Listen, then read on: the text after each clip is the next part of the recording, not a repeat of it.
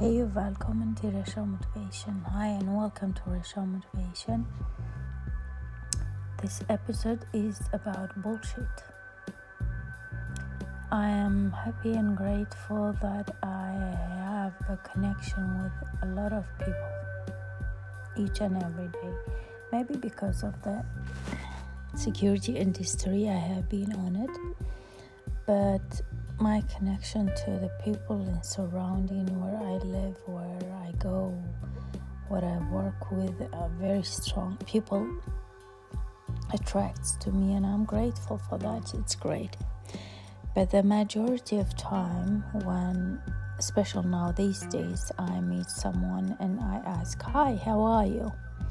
They start to talk about things that's um, not interesting the things like someone sick, someone died, someone did that, that someone having this um, sickness. It's just taking the energy of me, and I'm like, should I listen to this bullshit or should just I go?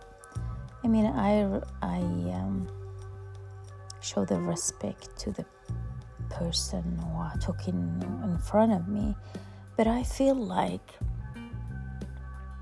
it's nice, you know, to you share and care and, and talk sometimes, but I mean, if I am not very close to you, why I should talk about bullshit?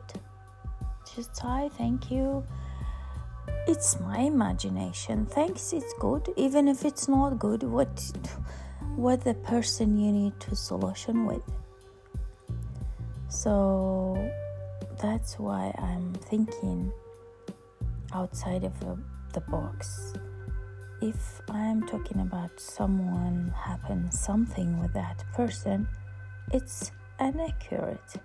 It's not important. Why I have to share with someone that's caring and lovely person with good energy, you know, just take that energy down? No. Please, people, be mindful of what you are talking about. And I noted many times, I don't know, um, my apology, I love to listen to the people. It's it's a sign of kindness. But there is a limit of understanding. If I'm listening and it's just bullshit, not giving me any energy, taking my energy, and I feel empty. Why should to listen to that bullshit? I mean, for what? This is very funny because it's happened a lot now these days where whoever I meet and talk to, I hope you know I'm coming home and I'm praying for those people who are talking about bullshit to be healed from um, an anxiety and, and sickness and what you, whatever it is. Because it's not fun. At the same time i understand their pain and their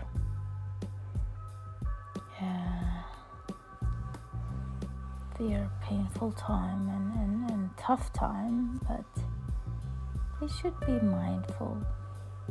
Just let it go and put it in a high spirit and talk about something interesting.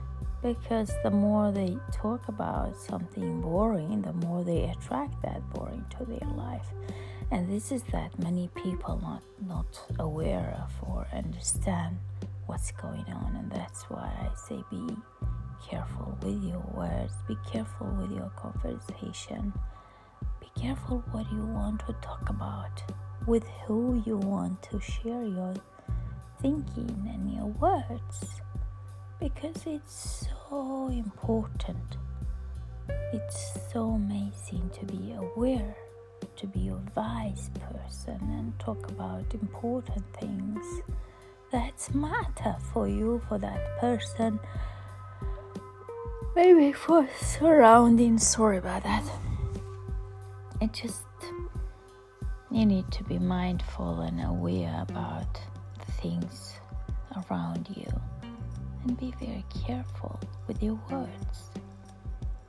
And if you want to talk, talk about good things and positive things. And if you don't want, if it's okay and very great if you don't want to talk rather than talk about bullshit.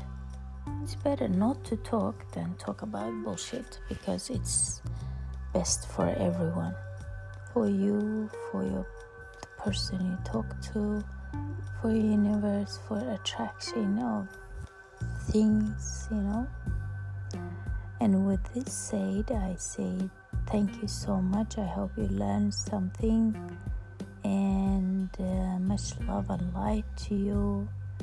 Rasha Motivation saying thank you and good night. Bye.